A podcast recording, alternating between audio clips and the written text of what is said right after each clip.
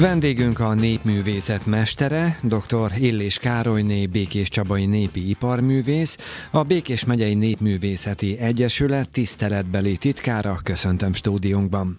Köszönöm szépen. Egy nagyszabású kiállításra készülnek a Békés megyei könyvtárban. Mi lesz pontosan ez a kiállítás?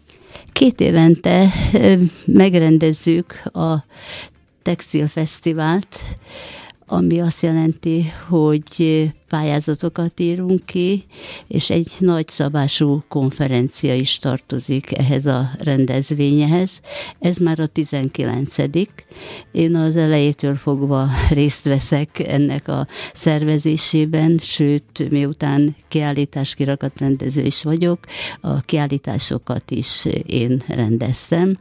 Ez ugyan most is ez történt, itt vagyok a könyvtárban, de két kategóriában Angliában hirdettük meg ezt a pályázatot, az egyik a színhangulatok.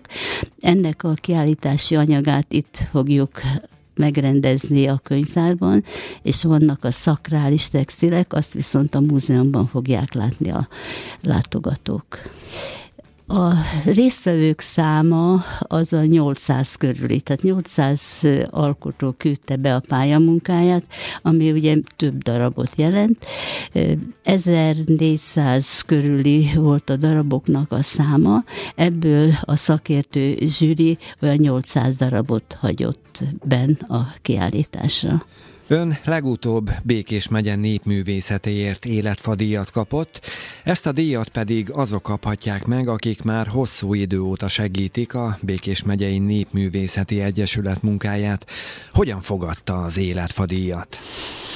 Díjat kapni mindig nagyon nagy öröm, de ez mögött azt hiszem mindenki, mindenki mondhatja azt, hogy nagyon sok munka van, hiszen ezért osztják a díjakat.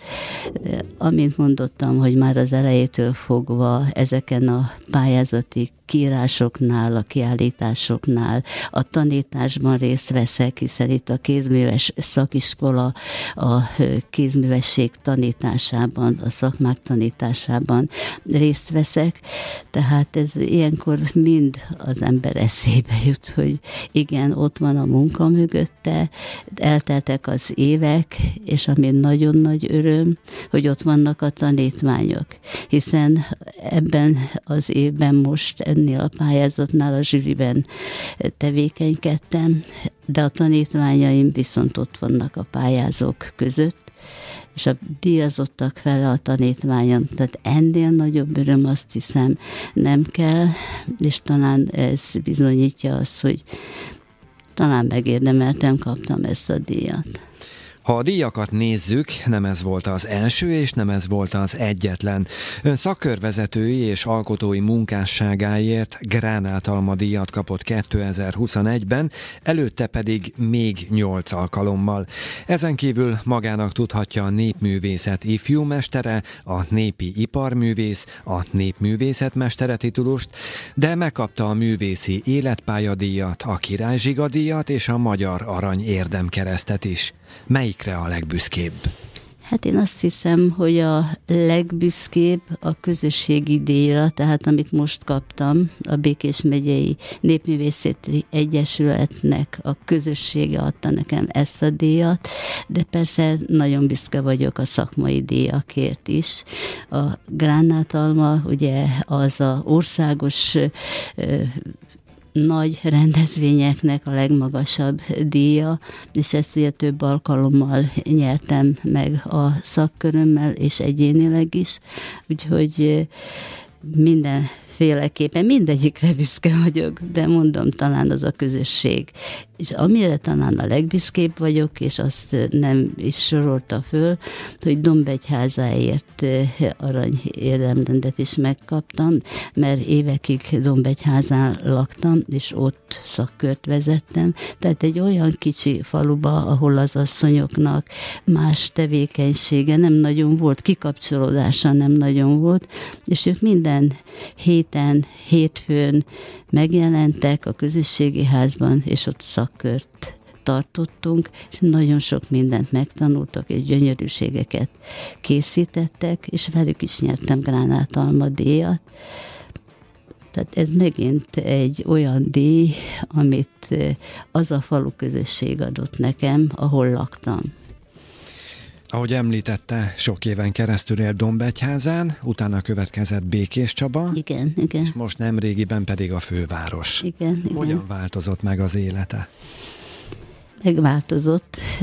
Talán kevesebbet vállalok ide a megyénbe, hiszen azért csak távolság, ez a 201 nehány kilométer, de havonta még mindig lejárok. Tehát megvannak azok a csoportok, azok a hallgatók, akik tanulják a kéz és a gépi himző szakmát, ezeket oktatom, valamint a kiállítás rendezést is. Azt is át kell adnom, mert hisz ez a kiállítás rendezének rendezésnek egy speciális műfaja a népművészet, és ez nagyon jó, hogyha együtt van a szakmai tudással is, mert kiállítás rendezésnél az iskolában ilyet nem tanulunk, hogy most a népművészeti alkotásokat hogy kell kitenni, melyik tájegységhez mi tartozik, és aki ebben benne van valamelyik szakágát tanítja a népművészetnek, a népi kézművességnek, annak sokkal könnyebb rendezni a kiállítást. Tehát nekem nem kell kurátor, mert hiszen én magam vagyok a kurátor is, és a rendező is éppen ezért nagyon sok helyen rendeztem népművészet kiállítást, tehát a főváros nagy múzeumaiban szinte mindegyikben, de külföldön is. Párizstól a tengeren túlig eh, Toledóba sorolhatnám ezeket a kiállítási helyeket, mert ott egy személyben megrendeztem, és meg is tudtam eh, tervezni, hogy mi hova kerüljön ezekből a gyönyörűséges eh, tárgyakból, mert nem csak a textil textilhez értek azért, hiszen a néprajzot is tanultam, hogy szívesen segítek más szakákban is. Ha visszatekintünk a múltba, a hagyományőrzés mikor jelent meg az ön életében? Úgy, mint hagyományőrzés nem jelent meg, mert hiszen én beleszülettem. Tehát én még az a nemzedék vagyok, amikor a hagyományozódás anyáról leányra száll. És még olyan szerencsés helyzetben vagyok, hogy ezt folytatni tudom, hiszen én átadtam a lányomnak, ő a népművészet ifjúmestere, most ezen a pályázaton is díjazott viselet kategóriában, és született egy leányunokám, úgyhogy amíg élek, őt is talán meg tudom fertőzni idézőjelbe ezzel a népművészet szeretetével, úgyhogy ez folytatódik, és remélem folytatódni fog. Emlékszik még, hogy mi volt az a hímzés, az a szőttes, amit először elkészített? Igen. A Békés megyében, vagy Békés megyében az asszonyok, a szlovák asszonyok, én szlovák származású vagyok, a szőttesben nagyon-nagyon kimagaslót tudtak alkotni, és az én környezetemben akkor még a szövőszék ott állt, és szőttek rajta a nagyanyám, az édesanyám, és én is, ahogy leért a lábítóra a lábam, akkor én már szőtem. Ez a szőttes, az ott volt előttem, és édesanyám adott tűt a kezembe, és akkor próbáld levarni, tehát mutatta, hogy hogy kell a keresztemet varni, és az első darabom egy ilyen szőttesre készült keresztemes hímzés volt. Sajnos nincs meg, és ezt nagyon sajnálom, nem tudom, hova, hova tettem annak idején, de keresztemes hímzés volt az első. Jó pár népművészeti mesternek ön a példaképe. Önnek van ilyen? Igen, persze, természetesen.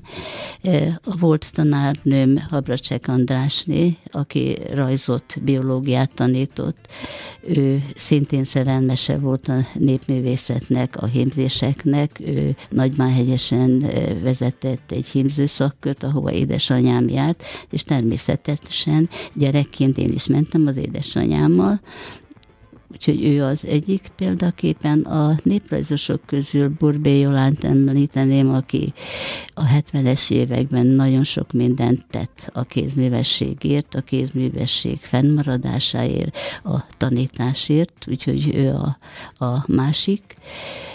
És ami megint nagyon fontos hogy én még találkoztam dr. Féledittel, aki nagyon nagy szakember volt, nagyon sok könyvet írt, ugye a tervezésnek a csínyát, bényát azért tőle tanultam, meg azt, hogy hogy kell egy eredeti forrásanyaghoz hozzányúlni, és abból, hogy lehet újat alkotni a mai kor emberének, mit szabad, mit nem szabad és ezt adom én is tovább, hogy a 21. század embere, emberét is vegye körül a népművészet, a népi kézművesség, hiszen annyi minden egyforma van, bemegyünk az üzletbe, sok mindent találunk, szépet, jót, de egyformák és itt tudunk mi egy kicsit egyedivé válni, hogy hozzáteszek valami pluszt, ami szebbé teszi, otthonosabbá teszi, különlegesebbé teszi a környezetemet, vagy esetleg a saját ruhatáramat is. És erre tanítom a fiatalokat is. És vannak, vannak követők, vannak tanítványok, akik megfogadják és saját kezüleg tudják szépíteni az életüket, meg a környezetüket. Ahogy már említette, az ön első szakmája kirakatrendező és dekoratőr, majd utána következett a tanári pálya. Erre hogyan emlékszik vissza? Én örülök neki, hogy ez így sikerült, mert ahhoz, hogy most itt tartok, ez a három dolog együtt nagyon jó. Kevesen vannak kirakatrendezők olyanok, akik tanítani tudnak, vagy alkotni tudnak. Vagy kevés az a tanár, aki a népművészet, a néprajzhoz, vagy a tárgyi kultúrához ért. Tehát ez együtt nagyon jól, nagyon jól összejött nekem, tehát jó volt ez a, ez a választás. Én örülök neki, hogy ez így, mert így alkotni is tudtam, a hobbim az tulajdon a szakmám is, és a tanári pálya az is csodálatos. Éppen azért, mert hogy itt tudok kiteljesedni abban, meg meg tudok maradni az utókor számára, mert látom most az alkotásokban is látom, hogy az a tanítvány azt csinálta, amire én felhívtam a figyelmét, úgy gondolkozott, Hát most ez a pályázati kiírás, ez, hogy színhangulatok, tehát itt nagyon sokat tudtam nekik segíteni rajztanárként, ugye a színekkel, bőven vonalakkal, mindennel sokat dolgozunk, tehát tudtam nekik segíteni, amit, ami megfogadták ugye a, a tanácsomat, és nagyon szépen megújult az a hagyomány, ami volt valamikor. Most itt a kiállításon és a könyvtárban a kalocsa, a matyó nem az a megszokott színállásban van, hanem teljesen egy új átfogalmazásba kerültek ezek a tárgyak kiállításra. Aki ránéz, és aki ismeri Kalocsát, vagy ismeri Matyót, az felismeri, tudja, mert hiszen a tervezésnél, amit meg kell tartani, azok a motivumok, és meg kell tartani az öltés technikát. Ha ez megvan, hogyha mi színben változtatunk rajta, vagy alapanyagot változtatunk rajta, akkor ez felismerhető, és tovább él a mai korunknak a világában. Tehát ez, ez, ez így nagyon-nagyon öröm számomra. Szakoktatóként meg lehet számolni, hogy eddig hány tanítványa volt? Nem tudom, jól lenne megszámolni, nagyon sok. Hát hiszen szakoktatónként olyan 30 éve tanítok. Minden évben volt kéz- és gépi hímző, tehát minden évben 8-10-12 ember volt, amikor 17 ember végzett, sőt, volt egyik évfolyam olyan, hogy kiártunk Sepsiszentgyörgyre tanítani a kolléganővel, mert hogy 17-en voltak, akik el akarták végezni ezt az államilag elismert szakmát, könnyebb volt nekünk kimenni, mint 17 embernek idejönni, de vizsgázni ők idejött, idejöttek. Tehát sok. Gondolom, rengeteg kiállítás van már a háta mögött. Hol volt az a hely, ahová a legmesszebb vitte a magyar népművészetet? Toledóba, tehát Amerika Egyesült Államok Toledo, ahol egy hatalmas nagy kiállítást vittünk, az Egyesület vitte a kiállítást, tehát az Egyesület alkotóinak a tárgyait vittük ki az Egyesület elnökasszonyával, Pál Miklós nével. Én, mint alkotó, mint rendező, mint oktató vettem részt, és ott nem csak Toledóban volt, hanem tovább vitték több városban, azt hiszem Clevelandben is volt, meg több-több városban is volt ez a kiállítás, és óriási nagy sikere volt. Tehát ez a legtávolabbi, de sok országban rendeztem kiállítást, igen. Ön a Népművészeti Egyesületek Szövetségének Országos Hímző Szakmai Bizottságának elnöke, és a Békés Csabán működő Rozmaring Hímzőkör tervező művészeti vezetője is. Van ideje ennyi mindent csinálni egyszerre? Nem nagyon, tehát nagyon nagy lekötöttség ez természetesen. Itt a családomra nagyon kellett számítanom a férjemre, meg annak idején, amikor még a lányom itt volt, itt lakott nálunk, akkor ő rá is. Ezeket próbálom úgy szépen leadni a tanítványoknak, és nagyon jól sikerült.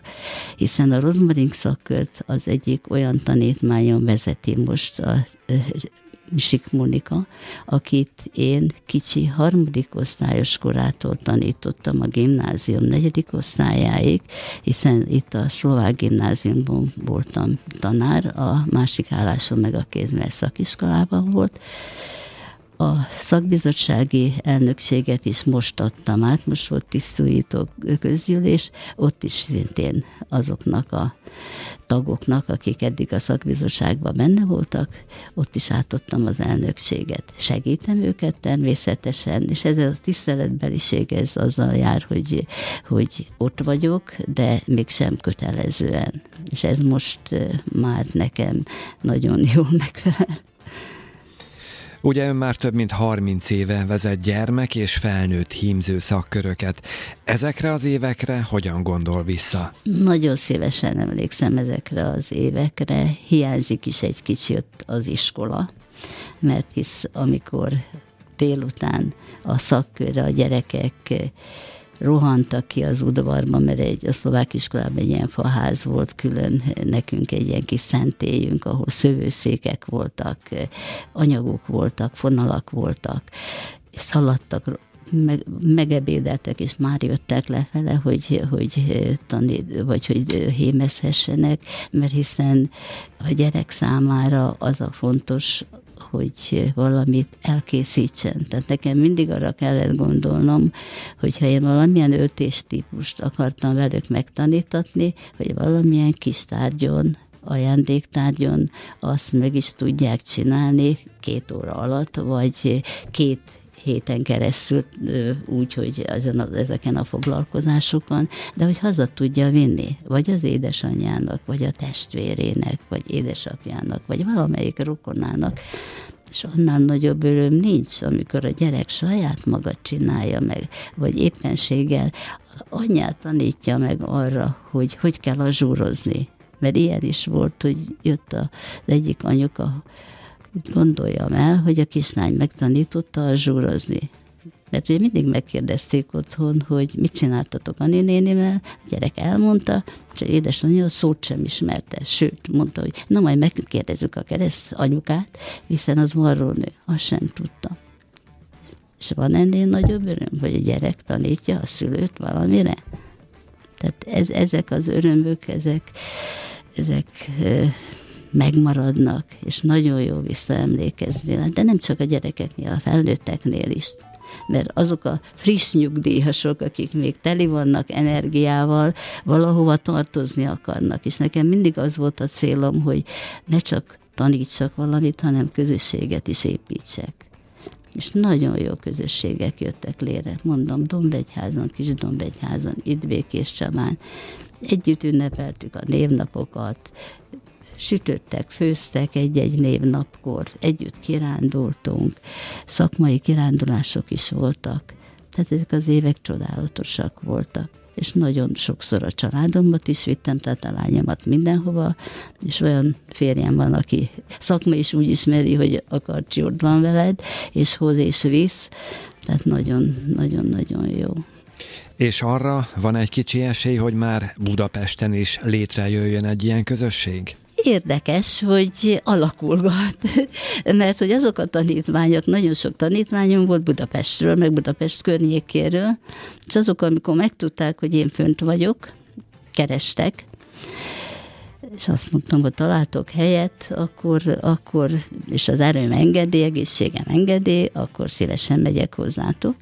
És ezt megoldották. Úgyhogy most Budapesten a 15. kerületben, a Kozák téri közösségi házban van az a szakköröm, ahol a nagy része a volt tanítványaim, akiknek szüksége van arra, hogy konzultáljanak velem, hiszen azok már végzettek, tehát a szakmai, szakmaiságát ismerik, csak ahhoz, hogy ők alkotóvá váljanak, eh, ahhoz kell egy kis segítség. És ezt tudom nekik eh, ott megadni. Meg most ugye a, a NMI által meghirdett a szakkörprogram, megpályázták itt a, közö, a, a Kozák téri közösségi házban is, és az öt helyet jelentkeztek tízen. Na most ilyenkor mit csinálok? Azt csinálom, hogy nem szabad, hogy elküldjem azt az ötöt.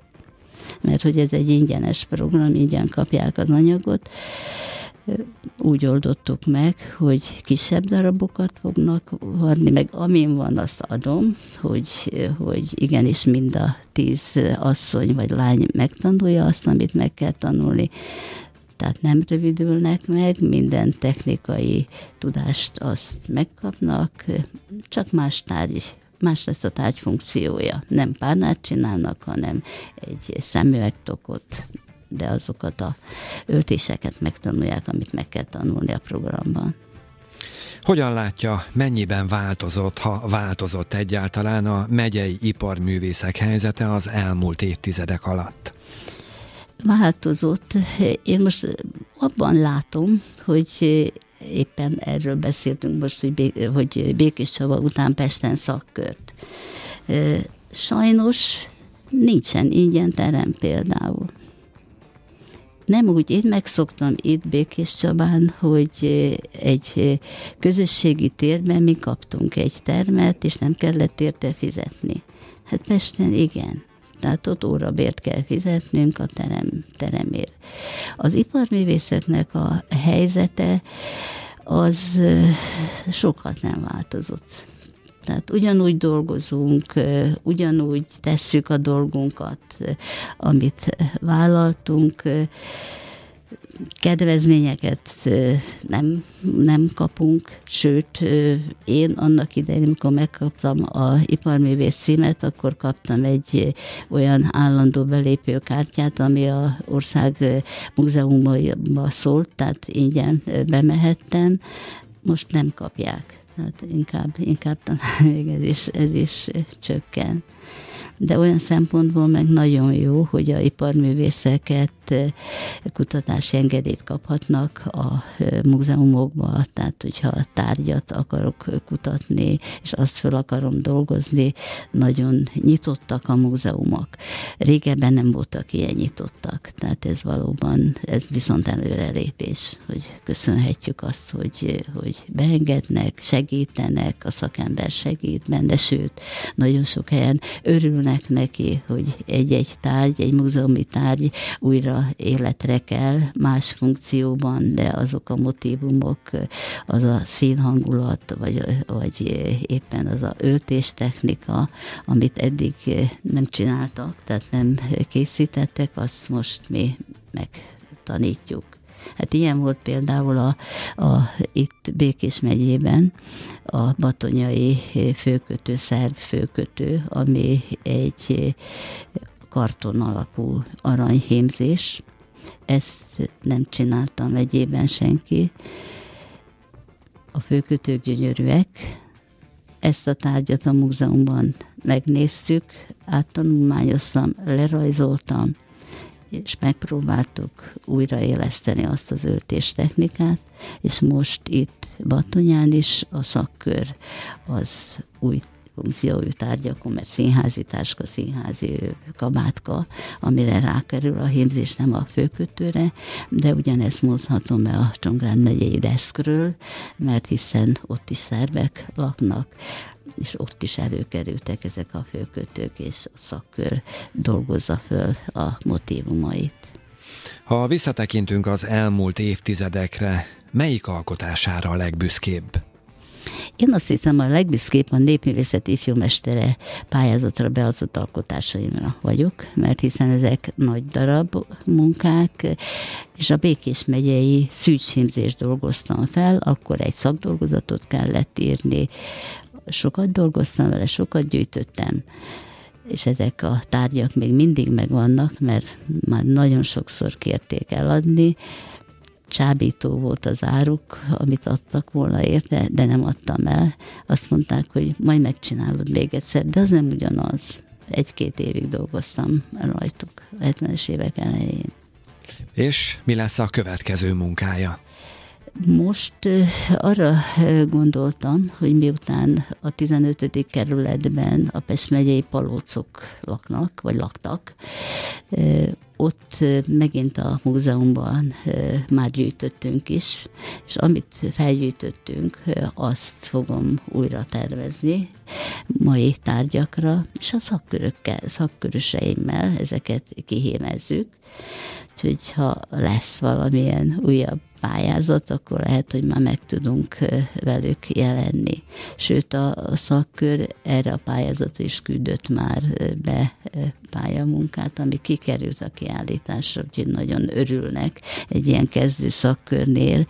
Ez nagyon nagy dolog, hogy ha a Békés Csabán úgy szokták mondani idézelvet, hogy falra kerül nincs dicsőség. Hát, hogyha 1400 körüli a tárgy száma, amit beküldenek az alkotók, és abból bemarad 800 darab, és azok között ott van egy kezdő szakkörnek a alkotásai ott vannak, az, azt hiszem, hogy dicsőség. Visszatérve még a színhangulat kiállításra, az érdeklődők mettől meddig látogathatják? 8-án nyílik, és április 5-ig látogatható a nyitvatartási időben a könyvtárban és a múzeumban. A következő évekre milyen szakmai tervei vannak?